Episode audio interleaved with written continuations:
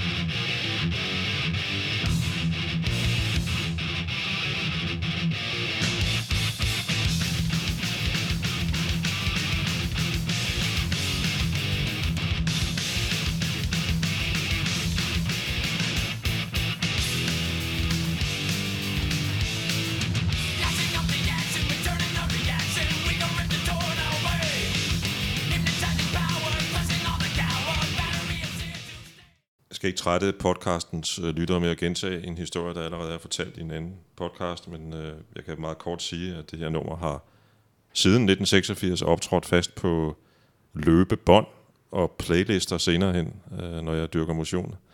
Øh, for eksempel når jeg nu cykler, og har sågar også lyttet til den i går, da jeg cyklede. Øh, det er et meget passende sted at starte, fordi det, som Jongersen fortalte om i, i den første podcast, var de to første album, øh, Metallicas to første album, og det her er det tredje. Uh, og jeg tænker på, at øh, det er overflødigt at spørge dig, om du kan huske din første Metallica-oplevelse, men øh, jeg gør det alligevel. Ja, men så skal vi så faktisk nogle, øh, nogle år tilbage. Øh, og hvad der angår battery-nummer, så synes jeg, det virker som om, det har sin effekt. Så, øh, så fortsæt bare med det. øhm, jeg mener at huske, at vi var tilbage i 1983. Øh, jeg havde en kammerat ude på øh, min skole i Brøndby, og han var allerede meget tidligt sådan en, en heavy metal fan, og Han, havde en, han gik i min parallelklasse, og begge vores storebrødre med det gode navn Ole, de gik i klasse med hinanden. Men min kammerats storebror, han øh, var manager for Merciful Fate med en speciel fyr, der hed King Diamond som sanger. Så der fik jeg en masse at vide omkring, hvad der var ved at ske på metalscenen, også herhjemme. Øh, Øh, og han spillede alle mulige ting for mig. Og jeg havde jo så hørt det der navn Metallica og tænkt med det samme. Det lyder jo fantastisk fedt. Altså tænk at kalde sit band Metallica lyder helt rigtigt. Øh, og begyndte at høre en masse om det. Dengang skete ting jo ikke så hurtigt, som I gør i, på i internetversionen. Øh, og da jeg så talt, var sammen med min kammerat, at vi skulle sidde og have nogle plader, så spurgte jeg ham, du, øh, der var ikke noget, du havde et Metallica-nummer. Jo, han havde et nummer, for det var på en compilation, altså en opsamlingsplade, og det var nummeret Hit the Lights, som også var det første nummer Metallica ligesom publiceret på en, på en plade, øh, som også til at være med på nogle demobånd. Og øh, ja, så var det ned og bakke derfra. Jeg drønede ud og fik fat i øh, debutalbummet Kill Them All, som kom lige den, omkring den der periode. Og så var jeg på. Koncerten i Roskilde, øh, var det din første Metallica-koncert? Øh, den første Metallica-koncert var året efter, at jeg faktisk lærte bandet at kende. Øh, fordi jeg var nede i en pladehandler, øh, en fyr, der hed Ken Anthony, som jeg senere fandt ud af, at jeg selv havde oplært Lars i, i Heavy Missile. Og øh, jeg kom ned i butikken, det var nede i, i sin kælder, og øh, han havde lige fået den nye Metallica-plade, Ride the Lightning, som så var den anden. Øh, og den, den hørte jeg så i hovedtelefoner og var ved at blive blæst bagover. Og da jeg så havde fået hovedbøfferne af og tale lidt videre med Ken. Jeg havde ikke rigtig nogen penge, så jeg må lige komme tilbage næste uge, og jeg var helt desperat og overvejede, om jeg skulle gå ud og få fat i nogle flasker og sådan noget på gaden og sådan. Øhm, så jeg kommer tilbage og henter pladen i næste uge, når jeg får lommepenge. Men øhm, så sagde han til mig, nå ja, øh, nu når vi er i gang, så kommer de også og spiller i Saga, og det var så i december 84. Og der havde jeg fået nogle knaster, så jeg købte både plade og koncertbillet og så Metallica i december 84 for første gang. Hvad var det egentlig, der gav dig lyst til at skrive om det her orkester? Jamen, jeg har jo hele tiden lavet øh, sådan nogle magasiner på Røde Statsskole, hvor jeg gik, altså sådan en fanzine, og var meget interesseret i punk og hardcore punk scenen, selvom jeg også interesserede mig for andre ting, og var begyndt at komme på Roskilde Festival første gang i 82 eller sådan. Men Metallica var ligesom mit eget band, ligesom jeg tror unge mennesker har oplevet det med, hvad det nu har været, Beatles og Led Zeppelin øh, gennem tiden. Altså det var, det var en del af, de var på min alder, og øh, jeg synes, det var mit band, og det var en del af en subkultur, hvor, hvor altså Heavy Metal havde jeg sådan lidt ambivalent forhold til. Jeg hørte det op igennem 70'erne med øhm, The Purple og Black Sabbath og Led Zeppelin og Led Budgie og Thin Lizzy og sådan ting. Men var ikke helt på den der, jeg var lidt sådan skræmt af den der sådan new wave of British heavy metal. Jeg var mere sådan til punk, det må godt, der skulle være en fuckfinger til systemet og, og gang i den. Og Metallica gjorde bare det, de, de simpelthen øh, mixede den gamle heavy rock fra 70'erne, heavy metal fra 70'erne, og øh, mixede med punk og hardcore, og det var meget voldsomt og, og, og stærkt øh, at opdage den der fusion dengang. Opfattede du Metallica også som den der punk-agtige finger til systemet? Nej, ikke helt. Ikke helt. Altså, øhm, men altså mindre kunne også gøre det. Vi havde jo allerede haft øh, både de engelske og amerikanske punk bands, der havde lavet det ene og det andet her, og jeg har også været til koncerter i, i Saltlager, jeg har set, øh, det hed engang Saltlager, var, var, var, var ligesom punkmaker, jeg har set Dead Kennedys, Black Flag og GBH. Jeg skulle lige til at spørge, om du havde set den legendariske Dead Kennedys koncert. Ja, der var to, jeg så så den første aften. Okay. Øhm, og det, ligesom, så kunne det ikke blive meget vildere, end det var der. Øh, så var det fint, det Metallica kom med, for jeg kunne godt lide noget variation og, og af noget tyngde, altså jeg kunne godt lide, lide tung rock. Øh, og så er der også lige den twist i det, at jeg faktisk havde gået og tænkt lidt på, fordi dengang subkulturelt, så var heavy metal fans og punkerne jo lidt sådan, de så lidt, lidt øh, skævt til hinanden, i hvert fald i en kort periode, så det var ikke sådan lige noget, man bare gjorde. Men da jeg så senere interviewede Lars Ulrik, så fandt jeg ud af, at han var flintende ligeglad. Så jeg havde gået oven i mit hoved og egentlig tænkt, hvorfor blander man egentlig ikke de to ting? Lars Ulrik tænkte ikke bare på det. Han gjorde noget ved det og lavede Metallica. Det er klart, at øh, når, man, når man skriver en bog om, om, om Metallica, hvor i øh, Lars Ulrik jo naturligt indgår, øh, så kan du gøre det med en vis vægt, fordi du har mødt ham øh, et hav af gange hen ad vejen. Øh, primært, tror jeg, som journalist, men sikkert også i andre sammenhænge. Øh, hvor mange gange har du egentlig øh, interviewet Lars Ulrik? Oh, mit gæt må være 25-30 gange. Øh, så har jeg også interviewet nogle af de andre folk fra bandet. Altså det, første gang jeg lavede en interview var faktisk Master of Pop, Puppets-turen efter det der forfærdelige øh, biluheld, hvor, hvor Cliff Burton døde, og så kom den nye bassist Jason Newsted med, og så genoptog de turnéen i Europa i, øh, i, i starten af 1987. Og der var det ikke så organiseret, der dukkede vi bare en flok journalister op, og der var der jo dig, der havde jo øh, publiceret min Metallica-artikel, så nu fik jeg blod på tanden, og så nu skulle jeg altså også ud og interviewe dem. Øh, men det var så også nogle andre, der skulle, og jeg så ham på ham der, Lars Ulrik, det var ham der danskeren, som jeg havde set, jo set et par år inden på, nede på Istegade, men heller ikke, jeg tror, der rigtig gå hen til ham der. Så i stedet for, så, så på mit aller dårligste valgbænken, så sad jeg interviewet Jason Newsted, som var lige så generet som mig. Altså, fordi han var lige kommet med i Metallica, og sådan skulle lære det at kende. Så Lars Ulrik, han, øh, han kom først til senere. Jeg tror, det første interview var i 89 eller sådan. Men en 25-30 stykker, det er det, ganske pænt. Det tror jeg, For nogle mennesker, eller for mange fans, øh, vi taler øh, måske fans i millionvis, det ved jeg ikke, der er, er Metallica jo en livsstil. Man hører Metallica dagligt, man går kun med Metallica t-shirts, øh, kan citere de fire bandmedlemmer og også tidligere bandmedlemmer for hvad som helst. Øh, kan gamle turnéplaner. Øh, hvordan vil du beskrive dit eget forhold til Metallica set i den kontekst? Nå, men altså, der findes sikkert mange, som kan mange flere nørdede fakta og ting fra turnéplaner og øh, mystiske numre, og hvornår et nummer er blevet spillet første gang og så videre. Øh, men det har også noget at gøre med, at Metallica er måske det band, som er, er mest mit band, fordi man ligesom er vokset med dem samtidig. Altså, øh, der er mange ting, der ligesom falder på plads. Jeg er måske sådan æstetisk set lige så stor fan af The Doors, for eksempel. Øhm, men Metallica er bare noget andet. Øh, og for mig har det også været det, at da, da jeg begyndte at interessere mig for Metallica, begyndte jeg også at blive musikjournalist, som jeg har været i over 30 år. Det gjorde jo også, at jeg faktisk sådan helt øh, lødigt skulle også interessere mig for andre ting end Metallica. Jeg kunne ikke bare sidde her det der ene band og kun have det, selvom jeg jo i en periode, så skulle jeg publicere en Metallica-artikel en gang i måneden, da jeg lavede The Black Album i starten af 90'erne, fordi det var det største rockband, der var. Ikke bare heavy metal band, men rockband på hele kloden. Øh, og, og, og det er en position, de har fastholdt, øh, måske i, så, ved, så kan man sige, er U2 større og så videre. Det er en diskussion, som kan vare meget længe. Øh, men de har jo rent faktisk fastholdt den lige siden, og det kommer vi selvfølgelig også til at snakke om nu.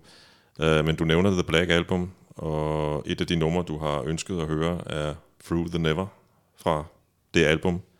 Og jeg synes, vi skal høre det, inden vi taler videre. All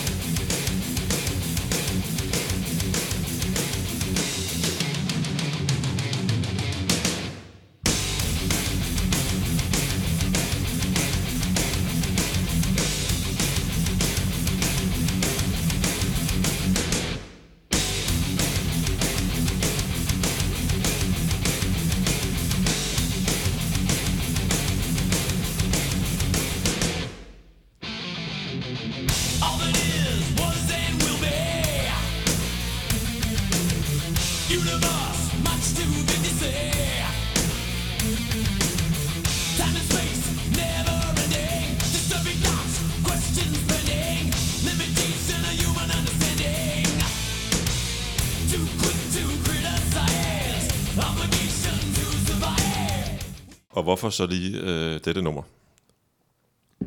Jo, det skyldes faktisk Lars Ulrik selv. Uh, nu kan jeg uh, almindeligvis godt lide The Black Album, og jeg kan også lide andre numre end Nothing Else Matters og Enter Sandman og Sad But True, som er obligatoriske på Metallicas Ja, ja, som, setliste. som, som var med til at gøre det, at det her album blev et kæmpe kommercielt gennembrud for dem. Ja, helt vildt.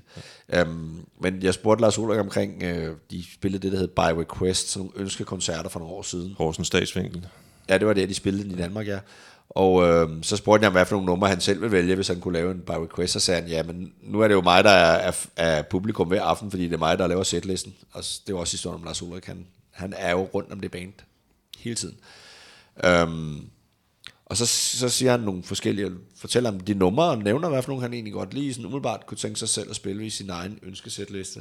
Og så siger han, og Through the Never, det er et genialt nummer at spille. Og det blev jeg lidt fanget af, og så begyndte jeg at høre det, selvom jeg hørte det tusind gange, og begyndte egentlig at godt kunne lide det der groove, og tænkte, okay, ja, det er han sgu ret i. Og så er det jo sådan med Metallica, at de har en enorm kvalitet.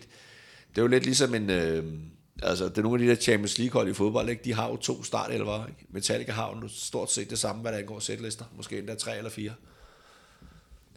Øhm, hvorfor er det, han synes, det er et, det, Du citerer jo øh, noget, som, som, som, som også kom fra, kommer til at fremgå af, af din bog, når, når den udkommer her i juni. Øh, din og Lars' snak om lige præcis det her. Øh, hvorfor er det, han synes, det her nummer er specielt godt at spille? Nej, men jeg tror, det, det er svinget og drive i hans eget trommespil er meget fedt, og så er det måske også noget at gøre med, at det er et nummer, som ikke bliver spillet så tit. Altså, de havde jo så i den periode med By Request, så havde de jo også en turné, hvor de spillede øh, The Black Album øh, fra sidste nummer, så de kunne slutte med Enter Sandman, som starter pladen. Altså, hvor de spillede hele albummet som sådan en jubilæumsting. Så der, der var Through the Never jo så naturligt med i setlisten, men ellers er det ikke et nummer, som de har spillet så meget, og det kan jo selvfølgelig også klart øh, være derfor, at man ligesom har fundet et nummer, man egentlig synes er fedt, men måske aldrig har vundet voteringen om at komme med på setlisten særlig ofte. Det går noget med det at gøre, og han er, den mand har jo også lov at ønske. Absolut. Inden vi lige går videre fra The Black Album, øh, jeg kunne godt høre, tænke mig at høre dit take på det her. Jeg har læst mig til, at, at øh, Metallica, hvis det også selv, men i hvert fald er der mange, der mener, at en af de væsentlige årsager til, øh, at det her album blev så populært, som det gjorde, var også øh, ham, der producerede det. Uh, og jeg skal være helt ærlig og sige, at jeg kan ikke huske navnet. Uh, hvor meget tror du, den producer betyder for, at den her nye lyd kom til Metallica? Ja, en, en god del, øh, for det er også noget med, med Lars Ulriks fremsynlighed at gøre. Øhm, og produceren skal vi absolut lige nævne, det er Bob Jens Rock. Bob Jens Rock. Han hedder simpelthen Bob Jens Rock. Ja, han hedder Jens. Øh, fantastisk, og det burde jeg jo kunne have husket. Ja, altså, det, det, tror, det tror du kan nu, Jan. Øh, han, er, han har... De tre største ting i livet, Bob Dylan, Jens Jam Rasmussen og Rock, samlet i et navn, det burde jeg kunne have husket. Ja. Netop. Ja. Øh, men den gode Bob Rock, og vi kan også godt nøjes med at kalde ham det, men Jenset, det kommer fra, øh, han har, i, har islandsk afstamning. Okay. Så det er derfor, jeg har også interviewet ham øh, og fået en, en snak om det der. Altså Bob Rock er... Um, hans historie er jo også interessant. Nu var jeg inde på de der hardcore punk ting, som jeg var, var stor fan af som teenager, og der i slut 70'erne, start 80'erne. Bob Rock producerede rent faktisk nogle af de der lokale band i Vancouver, hvor han, hvor han kom fra. Så senere var han producerassistent med Bon Jovi og Aerosmith, og senere producerede han uh, Motley Crue, Dr. Feelgood, som Lars Ulrik faktisk begyndte at, at godt kunne høre, at okay, her kan du godt lave noget tung rock. Det, det var sådan glamet, men der var alligevel knald på, øh, og så lød det bare drønfedt. Og der tror jeg, sammen med The Cult, som, har, som spillede sådan lidt mere Rolling Stones, men også noget melodisk øh, hard rock, oven i det, producerede Bob Rock også, og dem turnerede Metallica med. Så på en eller anden måde, så har, så har, de, nær, så har de nærmet sig den her producer, som kunne producere noget virkelig tung rock, men får det til at lyde skide fedt. Og det tror jeg er historien om det. Men det var en hård kamp for at nå der til, det kan man vist roligt sige. Al respekt til ham. Øhm, og i, i, i, i øvrigt er historien om, om Metallica jo øh, ofte øh, fortællingen om en hård kamp, som det fremgår af denne her film, øh, som Kind of Monster, øh, som udkom øh, nogenlunde samtidig med, at din bog i øvrigt udkom første gang, øh, 2004. Øh, og der udkom også en EP med samme navn. Øhm, inden vi lige tager springet ind i, hvad kan man sige, den nye afdeling af din nye bog, øh, så kunne jeg egentlig godt tænke mig at spørge dig, Metallica får et mega gennembrud med The Black Album, der vi lige sidder og snakkede om. Hvad er det for musikalske faser, de gennemgår, inden vi kommer til øh, 2004-agtigt her, hvor, hvor din nye bog starter? Eller hvor den nye del af din nye bog begynder? Altså, de starter jo med at, og bare skrue op. De er inspireret af, det må godt, der må, det må godt gå stærkt. Øh, de er inspireret af New Wave, British Heavy Missile. Øh, de tidlige bands der, Saxon, Iron Maiden og lidt før dem, Judas Priest. De er især inspireret af Motorhead, som spiller med fuld fart også.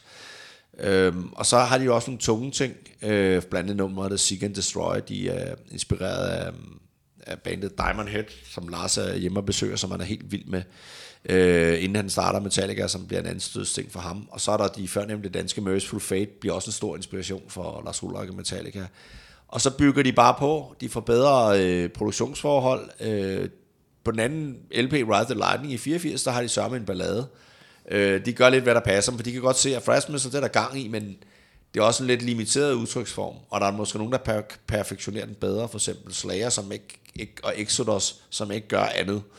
Øh, og så kommer Master of Puppets, som bliver et, øh, en, en, en milepæl i Heavy Missile-historien, og så selv klart også deres egen. Øh, stadigvæk knald på, men mere nuanceret. Og så kommer den meget tekniske And Justice for All, som den, den fjerde plade, som er den, der kommer før uh, The Black Album, hvis vi bare tager fuldlængde albums med. Og der har de sådan set strukket den så meget, de kan med lange numre og en masse progressive riffs og ting og sager. Og Lars Ulrik kan nok mærke, at de skal et andet sted hen, og det kan de andre i bandet givetvis også. Øhm, fordi på det tidspunkt er der også ved at ske nogle, nogle andre ting på, på rockscenen. Men Metallica får reddet sig land ved at blive kæmpe store med den der Black Album-plade, inden grunge ligesom bliver den, den nye ting på rockscenen. Altså Seattle-bølgen med Nirvana og Pearl Jam osv. Så det album er det er mange ting, men det er blandt andet også, øh, hvad kan man sige, den platform, der gør, at, at Metallica herfra stort set, jeg mener, de, de kan stort set gøre, hvad de vil. De har en kæmpe following derude, som følger dem øh, frem til i dag, og selvfølgelig er der også øh, folk, der kritiserer og sådan noget. Øh, det kommer vi tilbage til i forbindelse med deres seneste udgivelse, som har vagt en del debat, men det kommer vi tilbage til lidt senere. Øh, det jeg godt kunne tænke mig, inden vi øh, går videre, det er at lytte til et andet nummer, som, som du øh, også har bedt om at komme til at høre. Jeg kunne godt tænke mig, at du måske lige forklarede, hvorfor inden vi hørte det. Det er Hit the Lights. Det var så det nummer, der startede det hele for mig. Det var det første Metallica-nummer, jeg hørte. Øh, og det har den der sådan øh, frødende naivitet øh, og fuld fart hen over stepperne. Øh, ja, og så vil jeg jo altid kunne huske, øh, at det var nummer, det var første nummer, jeg hørte med Metallica. Og det fede er, at Metallica så en gang imellem, så hiver de den også lige frem, når de skal til at spille ekstra nummer. Så tager de et eller andet gamle nummer med, blandt andet også Hit the Lights, så det er jo altid fedt, når de, de spiller det.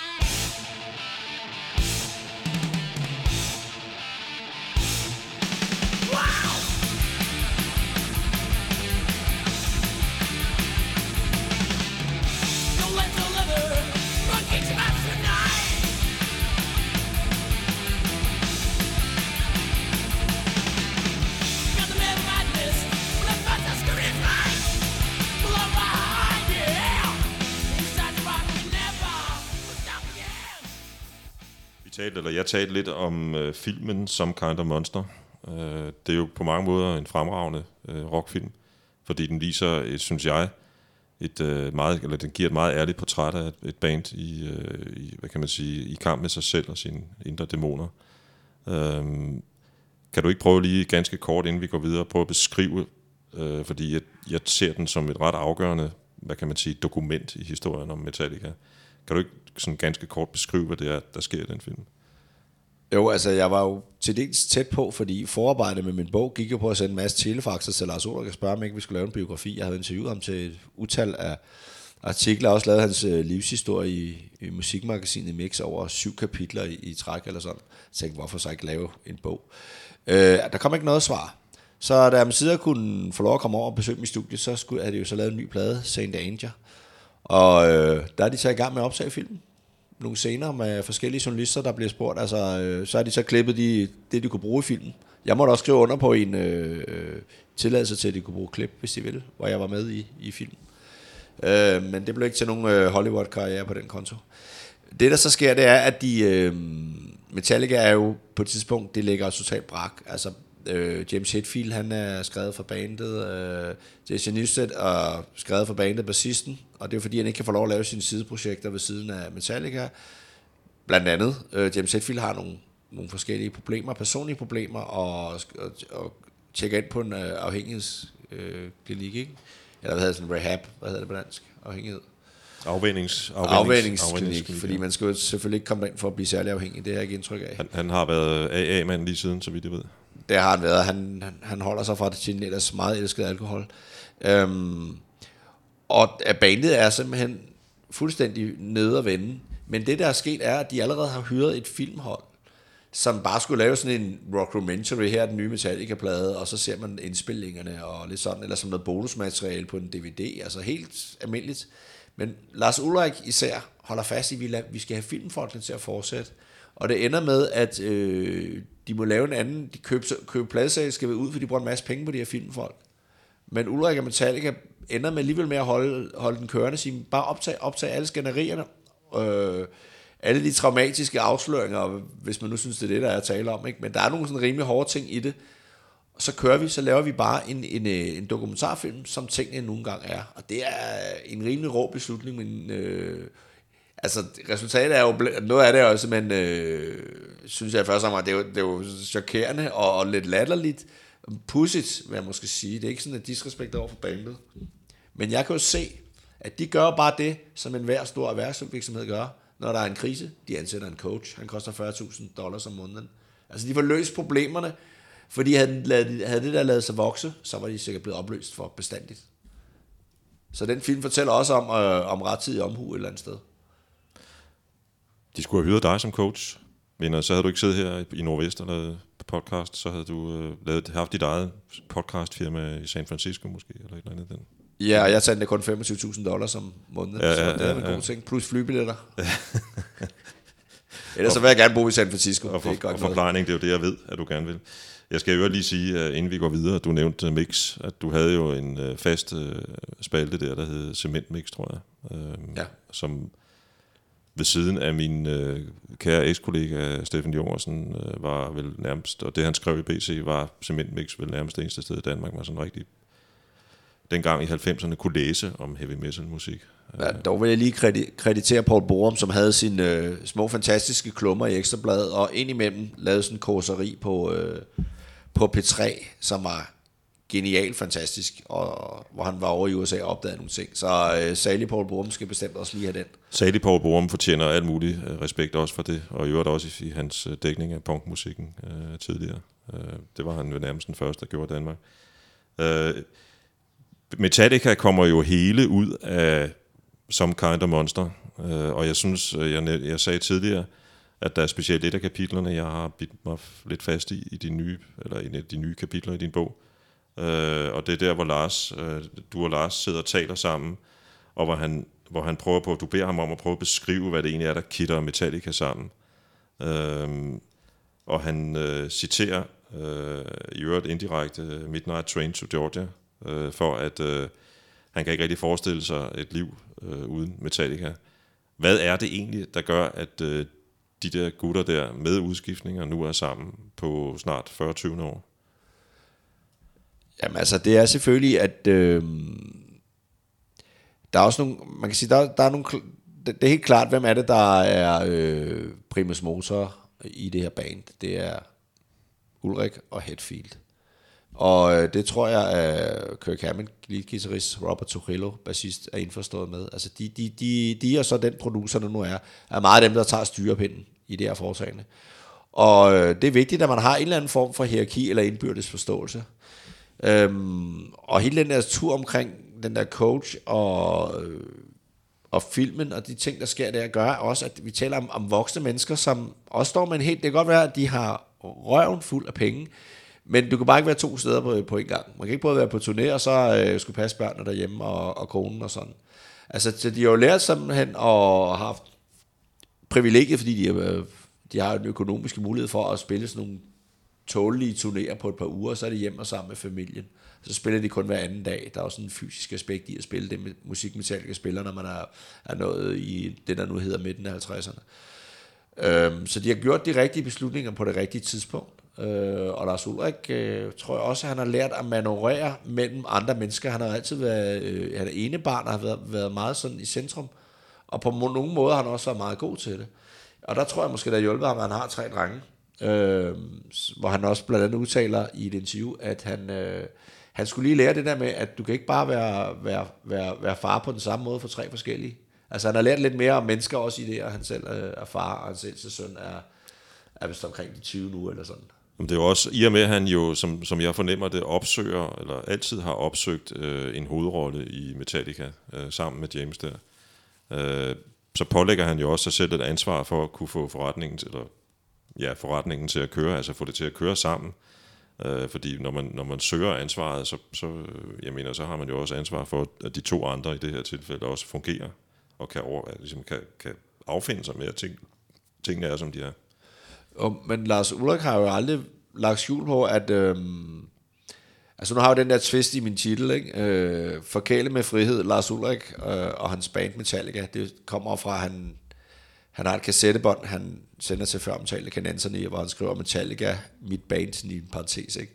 Det er jo bare, det er jo bare sådan en almindelig uskyldig ting, men den, den er jo egentlig meget sjov sådan at tænke på. Ikke? Han har virkelig en vision fra starten af. Altså han får James Hetfield med i Metallica, før øh, han egentlig har noget band. Han siger, hey, vi kan komme med på en kompileringsplade, så kom med i vores band, som reelt ikke er noget band. Ikke? Altså han har... Øh, han har også et gå på, med, og gå på mod og øh, tro på tingene, som er vigtigt. Og øh, han har fra starten godt kunne, kunne overskue og se, at øh, jo jo, det er fint at drikke øl, og det er fint at have det sjovt på landevejen, og, og være heavy metal og babu babu derudad. Men han har også bare hele tiden haft tjek på, hvordan pladekostene ser ud, hvordan, øh, hvor turnerer vi næste gang, og øh, ja, altså alle ting omkring det her band.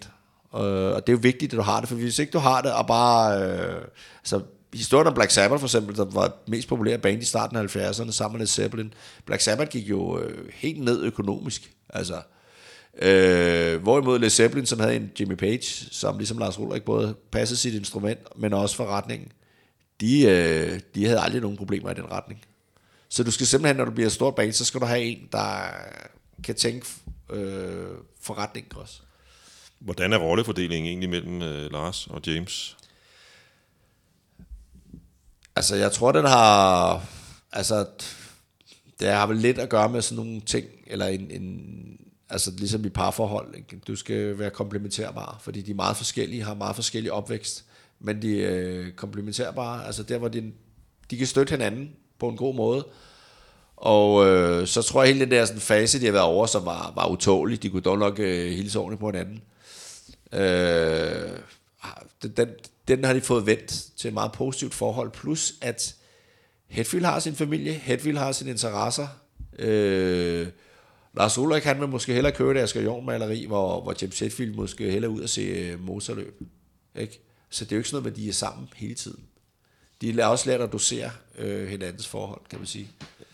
Jeg tror ikke, der er nogen, jeg tror ikke, der er nogen af de store orkestre, øh, og det kunne også være inden for øh, andre, hvad kan man sige, øh, kunstformer end lige rockmusik, hvor der er flere mennesker, der arbejder sammen i kollektiv. Jeg tror ikke, der er ret mange steder, man overrender hinanden privat. Altså, jeg tror for eksempel ikke, Mick Jagger og Keith Richards ser hinanden privat, øh, når de ikke spiller sammen. Øh, og det er nok meget klogt i virkeligheden.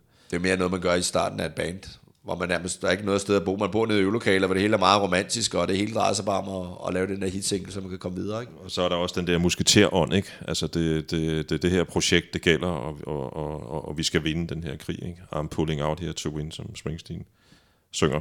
Og som i øvrigt var, jo, selvom han har haft et band i, i tusind år, jo stadigvæk den ubestridte leder af det orkester. Det er sådan lidt specielt i forhold til så mange andre orkester. Det er en anden øh, podcast. Øhm, hvor længe tror du egentlig, at Metallica kan blive ved? Altså Lars siger jo i din bog, at, han, at der er jo sådan lidt øh, udfordringer med hensyn til ryg og skuldre og sådan nogle ting. Det er også hårdt øh, at, være tromslærer i Metallica, tror jeg. Jeg tror, man sidder og banker meget hårdt på nogle trommer, når man gør det. Og når man gør det, så er det som regel et sæt på to timer. Ja. Øhm, men det, det blandt andet gør, det er, at de spiller ikke det, man på, i rockjargon siger back to back. Altså spiller ikke hver dag. De har altid en fridag. Øh, nogle gange har de to. Kommer land på, om der også er en rejsedag imellem. Øh, så det, og det er de doseret for lang tid siden. De, de spiller måske 14 dage, og så tager de en pause, og fortsætter de en turné i 14 dage. Altså måske endda i samme kontinent. Her i Europa, hvor de spiller, øh, og allerede startede turnéen her 1. maj i, i Portugal, jamen der tager de sådan nogle to ugers blokke, og så tager de måske et par ugers pause, og så tager de, eller længere, og så tager de nogle nye blokke på, på to uger. Så de får hele tiden, bliver hele tiden restitueret, og de har også to fysioterapeuter med, når det går løs. Øh, og jeg har været der for nogle år siden, hvor jeg lige jeg ikke lige kunne åbne køleskabet, og lidt efter en øl, der var kun vitamindrik. Mm. Jeg, jeg har set deres rider for et par år siden. Den, den består kun af, af sundt. Jamen altså, øl er jo flydende brød, men det var der ikke noget af. Nej, øh, ja, det er rigtigt. Og, og en masse B-vitaminer. Ja. Øhm, der er en ting, jeg har stusset lidt over ved, ved Metallica. Det, det udspringer egentlig af, at jeg engang læste en reportage fra en turné. Øh, det er et, et godt stykke tid siden. Det var et af de store amerikanske øh, livsstils- eller musikmagasiner, der havde været med dem. Og, og ham, journalisten, øh, stusser over, at øh, i en sal med, med måske 20 eller 30.000 publikummer, var der, var, der ikke, var der kun hvide mennesker.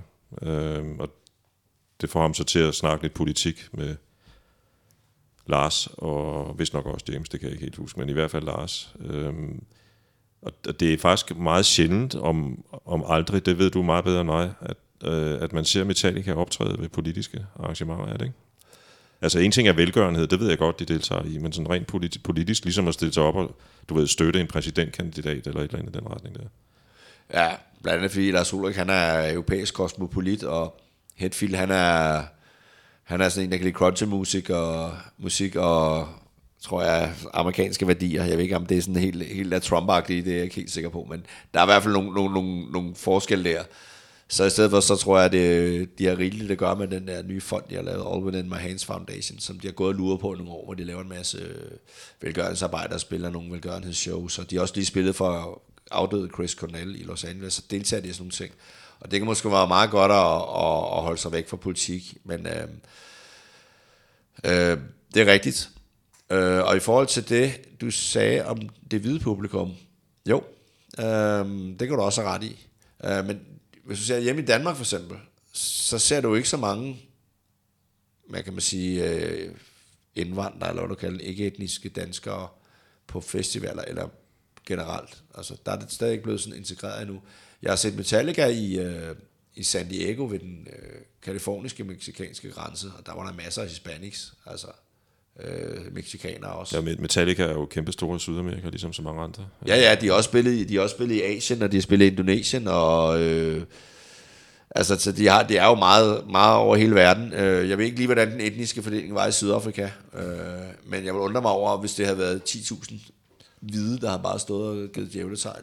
Men, men det er heller ikke, fordi jeg sidder og siger, at, øh, at der er- noget som helst øh, angribeligt eller negativt i, at Metallica kun har et hvidt publikum. Det er jo sådan, det er, og så er det sådan, det er. Og, og, og du har jo også ret i, at, at, øh, at man sjældent ser folk med indvandrerbaggrund til danske festivaler, blandt andet fordi det er det der solo med godmorgen med, med en masse øh, druk og stoffer, som man jo ikke rigtig dyrker i blandt andet muslimsk, øh, i den muslimske tro øh, eller islam. Øh, og sådan er det. Øh, du beskriver... må jeg lige Ja. en kuriositet? Ja. Vi hørte jo Hit the Lights tidligere, altså Metallicas første nummer på plade. I den oprindelige demo-version, der blev den øh, soloen spillet af fyr, der Lloyd Grant, øh, som også var med til Metallicas 30-års jubilæum i 2011. Øh, det var en fra miljøet, de kendte. Han blev kaldt The Black Schenker, fordi han var sort. Mm. Og så var han lige så fed som Mike, Michael Schenker fra Tyskland. Så han blev kaldt The Black Schenker. Så øh, jo, så de har faktisk også haft en afroamerikaner i bandet i en kort periode. Yes. Øhm, du beskriver jo i et andet af de nye kapitler, i Forkælet med frihed, øh, at der har været ret lang vej til den seneste, eller det seneste studiealbum, Half Wired to Self-Destruct. Øh, inden vi taler om den proces, synes jeg lige, vi skal høre øh, Halo on Fire fra det album.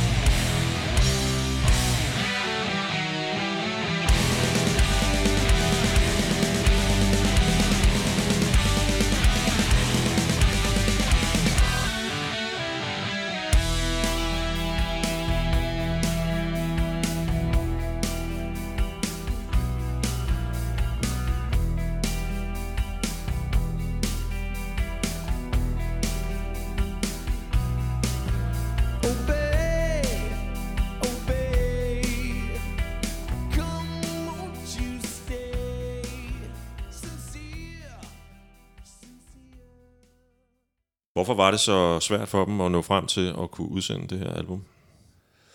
Ja, det er jo et godt spørgsmål. Øh, jeg tror, Metallica er nået et, et stadie i deres liv, hvor øh, de udsender deres album, når de synes, det er godt nok. Øh, sådan en helt simpel, basal kunstnerisk begrundelse.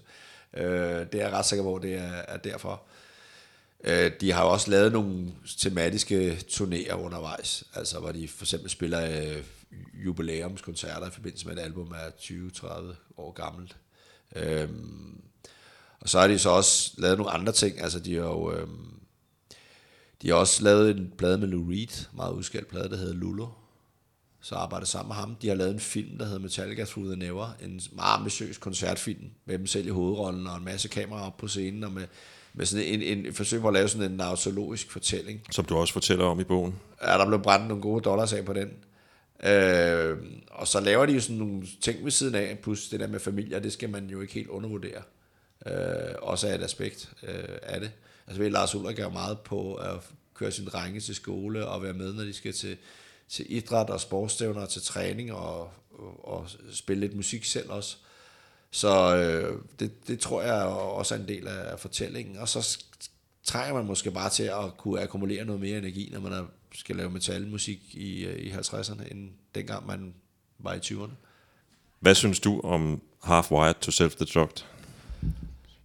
Jamen, jeg, øh, jeg er vældig begejstret for, for store dele af den plade. Altså, første gang jeg hørte den, det var på, det var på et øh, hotelværelse i San Francisco med, med dårlig netforbindelse, og der kunne jeg allerede høre, der var, der var noget stort på vej. Desværre så var det kun 5 sekunder af, af gangen, inden den laggede. Så kunne jeg godt mærke, okay, nu havde jeg den også lyst til at høre den nye Metallica-plade, fordi jeg havde den, men, men før alle andre, fordi jeg har fået sådan et, et, et link ind i en interview. Øh, men det kunne jeg ikke bruge til noget, fordi jeg har dårlig internetforbindelse. Men da det så endelig begyndte at, at samle sig der internet, så blev jeg blæst om kul. Jeg synes, det var rigtig fedt. Jeg synes, de har en god produktion.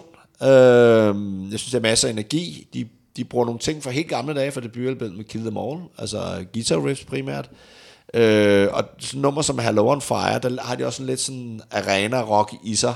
Altså sådan nummer, man kan synge med på i en stor sal, hvor det ikke bare frasser det ud af, hvilket de så også har på pladen.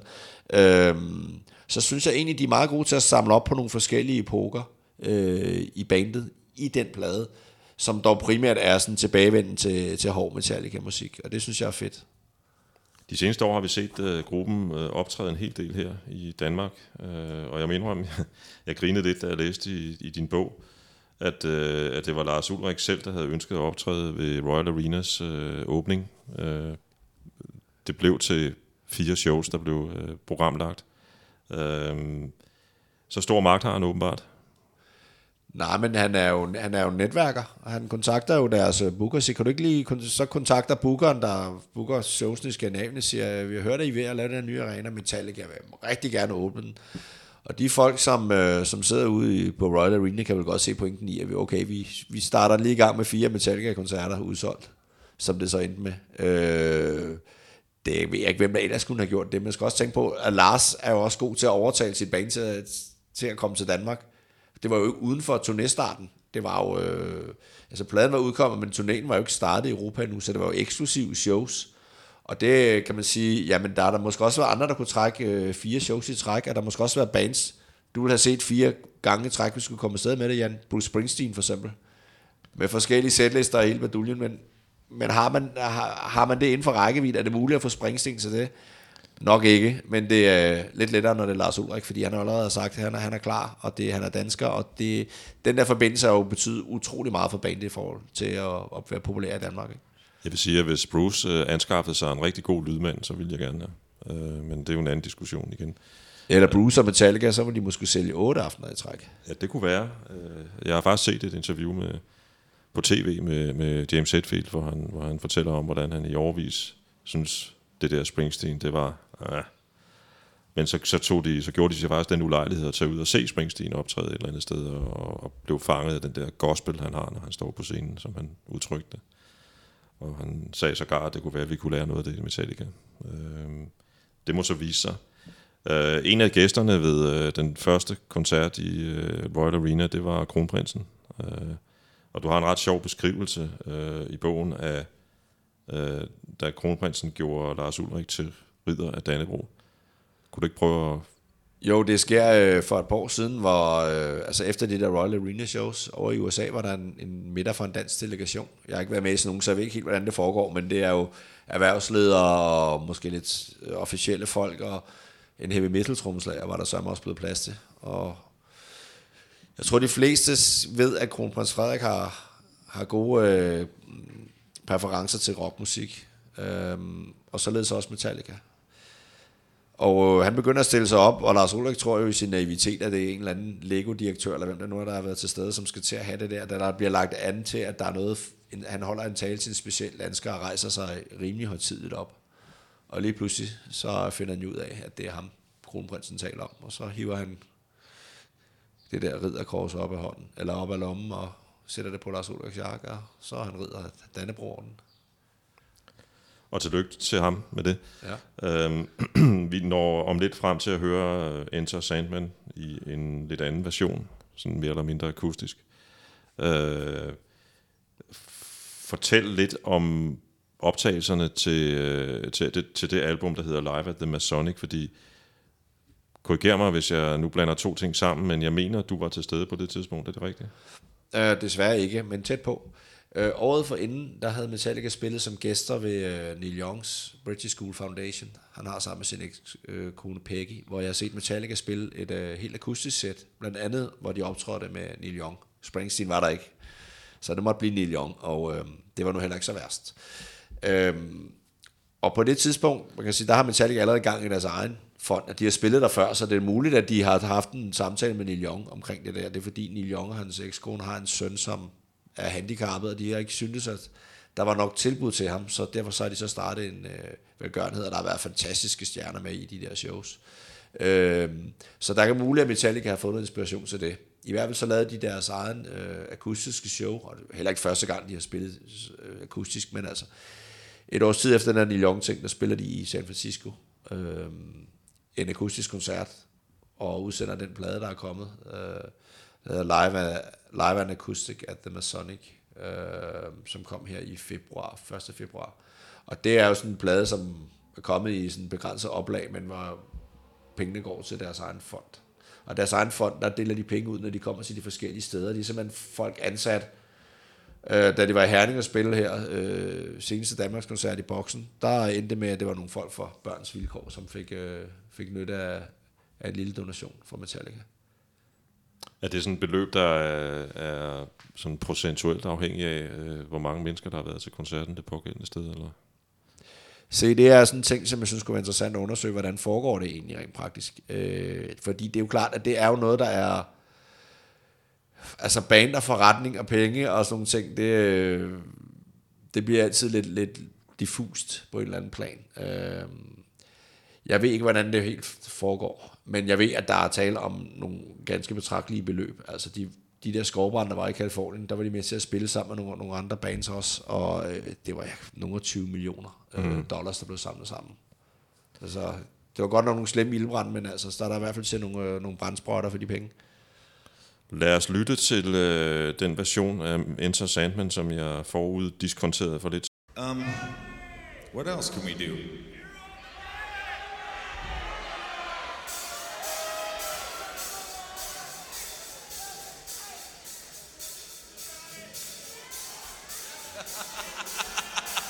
Was that an eight count already?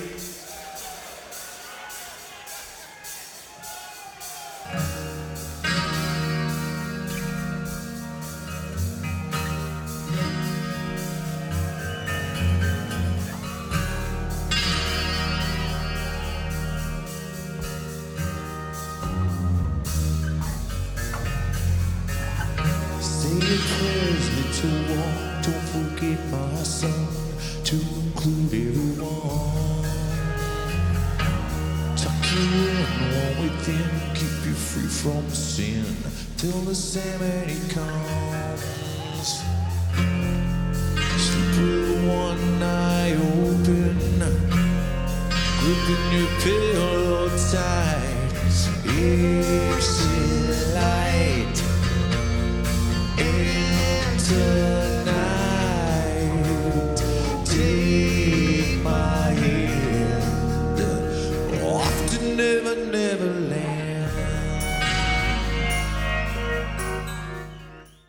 Sig mig, var det Kirk Hammett, der spillede på stilgitar der? Nej, i det her tilfælde, der havde de nogle øh, gæstemusikere, og så spiller Metallica-medlemmerne på øh, nogle akustiske instrumenter. Uh, men her var der en pedal steel, tror jeg det, er, det hedder. Altså det er jo instrumenter, der er kendt fra country-genren, som i hvert fald Hetfield er rigtig glad for. Ja, som du fortalte før, ja. ja. Ja. Hetfield siger øh, på et tidspunkt øh, under de her liveoptagelser, at han er ret nervøs. Øh, kan det skyldes, at det er det her lidt uvante akustiske setup? Ja, det kan det sagtens, øh, og sådan skal en kunstner vel have det. Øh, nervøs, spændt. Ligesom i fodbold, finde det rette spændingsniveau, når man skal optræde. Altså, jeg så Metallica året før, hvor de... Øh, altså, hvor det, det, det virkede meget afslappet. Lars Ulrik sad og lavede en 20 med mig en time før de skulle på, og dagen før havde de endda været ude for, at de måtte starte et nummer forfra, fordi de ikke lige sad i skabet. Øh, men det er klart, det er noget andet, når det er akustisk, og jeg vil også sige, at det faktisk er nogle...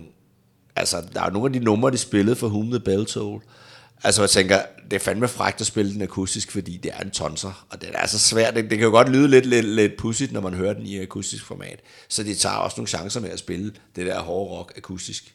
Men altså, er der ikke en mand, der engang har sagt, at hvis man skal genkende en god sang, så skal man kunne spille den ved lejrebålet? Det tror jeg, der er flere, der har sagt. Øhm, blandt andet øh, Bono, eller Bono, hvordan man nu foretrækker at udtale ham, har sagt det. Der var YouTube igen. Ja, der var YouTube igen. Øhm, jeg kunne egentlig godt tænke mig at spørge dig, fordi du, du, øh, du er jo til, til de der koncerter øh, til Neil Youngs og hans afdøde kones øh, støtte, eller hvad, til støtte for deres øh, fond der. Øhm, og, og, og, og, og jeg kan huske det jo ret tydeligt, fordi der sad jeg og, og, og, og redigerede på, på min gamle arbejdsplads BT. Øh, og, og du skrev også nogle anmeldelser fra de der øh, legendariske øh, Coachella-koncerter, hvor der kun optrådte virkelig gamle, store navne. Ikke? Øh, Det er så trip. Desert Trip, ja, det var det, det hed. Øhm, når man taler musik, så taler man også om fascination og passion øh, og, og følelser. Øh, og, og når man taler musikjournalistik, så er det jo øh, meget, meget langt stykke hen ad vejen også drevet af de samme ting. Øh, hvor meget betyder det egentlig for dig og, øh, som, som, som person og at komme tæt på sådan en mand som Lars Ulrik, komme tæt på sådan en band som Metallica, møde dem, ja, Ulrik har du mødt mellem 25 og 30 gange, sagde du. Altså, hvad, hvad betyder det egentlig for dig sådan rent personligt? Altså nu har min relation til Lars har altid været øhm, egentlig rimelig god socialt, men jeg har altid sådan ligesom, det er professionelt, og mange af de ting, vi har gjort, er, er baseret på, at vi har en fælles interesse i et interview en samtale. Øh, men man er lært den anden at kende på en god måde, så jeg får, som regel altid tid, også selvom der egentlig ikke er en promotion øh, lagt ind i programmet, så bliver jeg altid lige hældt ind, eller jeg, hvis der, er, har været noget studietid, jamen, så får jeg en sidste tid, så vi kan sidde og hænge ud rigtig længe, og måske øh, en enkelt gang har vi også, øh, har også været hjemme og besøge ham, eller et par stykker, ikke? Og, og, sådan, og det er fint nok, fordi sådan, der skal også være en eller anden form for, øh, der er sådan en professionel respekt, jeg har ikke, øh, Man kan man sige, behov for at mænge mig på, men jeg er fascineret af Lars Ulrik ved hans drivkraft. Og, og jeg kan bare se mange tilfælde i mit eget liv. Nu er han halv, halv år ældre end mig. Øh, og de før, altså, han voksede op på den anden side af jernbaneskinnerne, øh, hvor jeg sådan stadigvæk var foster. Og så derovre på den anden side af skinnerne i det der mærkelige hus der, hvor han boede, der, der kunne man lave alle mulige eventyrlige ting. Og det har altid fascineret mig, at øh, det er den der sådan kreative kraft, den der sådan øh, sans for at gribe verden, øh, og have naivitet. Altså det der med som ung mand at gå ind og banke på i Moses øvelokale og spørge, om man ikke må komme ind og, og høre dem komponere numre til deres nye plade. Jeg selv, som er e-, enormt generet, har haft virkelig skulle have haft svært ved at gå ind til nogle af de interviews, hvis ikke de har aftalt 100% på forhånd, ikke? tænker jeg, hold da op. Altså, øh, det, har, det har fascineret mig meget. Det har det. Ja. Og, og du har også ligesom kunne lære af det, kan jeg næsten høre på dig. Ja, det, det, der er mange ting, jeg har været inspireret af, og så det der med det gode musik, og selvfølgelig er det også fascinerende, at øh, for mig startede det bare med, at jeg var fan, altså af bandet, eller bare, det skal man ikke noget bare i det. Jeg var fan af bandet, øh, der havde jeg jo ikke nogen sådan aspirationer, om jeg skulle en hel masse og lave Lars Ulrichs biografi, men det, det er jo sådan, det endte. Yes. Og hvornår er det nu, den udkommer, den nye reviderede version? Det er den dag, hvor at øh, Metallica skal forsøge at trøste 50.000 mennesker på øh, Johan Cruyff Arena i Amsterdam. Øh, den 11. juni spiller de dernede, og der udkommer en bog også, som det ser ud nu. Og der tænker jeg selvfølgelig på de stakkels Ajax-fans, som mister en Champions League. Så jeg håber, Metallica giver dem 3-4 timer på fuld grund. De kan da glæde sig ved at se Tottenham vinde øh, 11 dage før den 1. juni. Tror du ikke, det vil bringe, bringe, bibringe glæde til Ajax-fans? Det må være helt forfærdeligt, men altså, det er jo også derfor, det, øh, jeg også godt kan lide at se Metallica-koncerter, fordi øh, de kan jo spille, som rent holder de et meget, meget højt niveau, men altså, man kan jo ikke, tabe, man kan jo ikke tabe i en, en setliste. Nej, øh, vi runder af med øh, et øh, nummer, hvor Lars spiller sammen med Volbeat. Det blev optaget under Volbeats øh, store koncert i Parken i 2017. Øh, hvor- hvorfor var det egentlig, at øh, Lars dukkede op der? Om det er jo fordi, at øh, Michael Borgsen, som er frontmand i Volbeat, som jo har supportet Metallica for år tilbage øh, i, i USA og blandt andet også i Aarhus, øh, han spurgte simpelthen Lars Ulrik, om han havde lyst til at komme og, og, og spille trommer, og det var en stort opsat koncert, hvor der også blev optaget en, en, en live-DVD, som man kan høre Poulsen øh, tale engelsk, hvis nok på hele den der live-video. Øh, og Michael Poulsen og Lars Ulrik, der kan du også se nogle, nogle paralleller. Der er nogle mand, der har styr på sit band, der har styr på sin vision, og arbejder benhårdt og stolt omkring sit orkester. Altså, så det passer meget godt øh, at se Lars Ulrik spille trommer i, øh, i Volbeat lige for en stund. Det var jo et enkelt nummer, og så en lille smule af interessant, mand. Og øh, altså Volbeat starter også helt tilbage i tiden på, på noget, som er Metallica synes folk er lidt svage periode omkring Load og Reload. Der fanger Volbeat faktisk et potentiale, som Metallica ikke selv indfrier. Det er i hvert fald min personlige opfattelse. Er sådan en mere øh, rootsy øh, rock and roll øh, tilbage til rødderne, som Metallica forsøger at ramme der med Load og Reload-pladerne i 90'erne. Den fanger Volbeat og får verdensherredømme på det. Men øh, de er jo gode venner af den grund alligevel. Jeg tror, jeg tror øh, måske øh, en af for, forklaringerne kunne være, at Michael Poulsen øh, i meget højere grad end måske dem har den der rockabilly i hjertet. Øh, ikke mindst kvæg sin opvækst med en øh, far, der var kæmpestor rockabilly-fan. Øhm, Også det, ja. og, og øh, der står også Elvis øh, mindst et sted på kroppen af Michael Poulsen, så vidt jeg ved, øh, tatoveret. Øh, han har en måske en lidt større øh, begejstring og, og, og, og, og, og et rodnet plantet i, i, i 50'erne, end de andre måske har. Øh, Og der har han tydeligvis. det er dig, der er eksperten, men det var, vil måske være mit gæt her. Ja, men der, der, har, der har han tydeligvis, og man kan selvfølgelig sige, at, at Hetfield har, som jeg har været inde på, eller jeg har været inde på nogle gange, har jo den der konto-ting. Men det er også, og den er kommet lidt ud ind imellem i Metallica. Altså, men ikke særlig meget. Altså, det, det Poulsen laver øh, i Volbeat er jo perfektioneret og rendyrket, men sådan er det jo et band. Altså, i, i Volbeat er det også Poulsen, der har dirigentstokken. I Metallica er det Hetfield og Ulrik.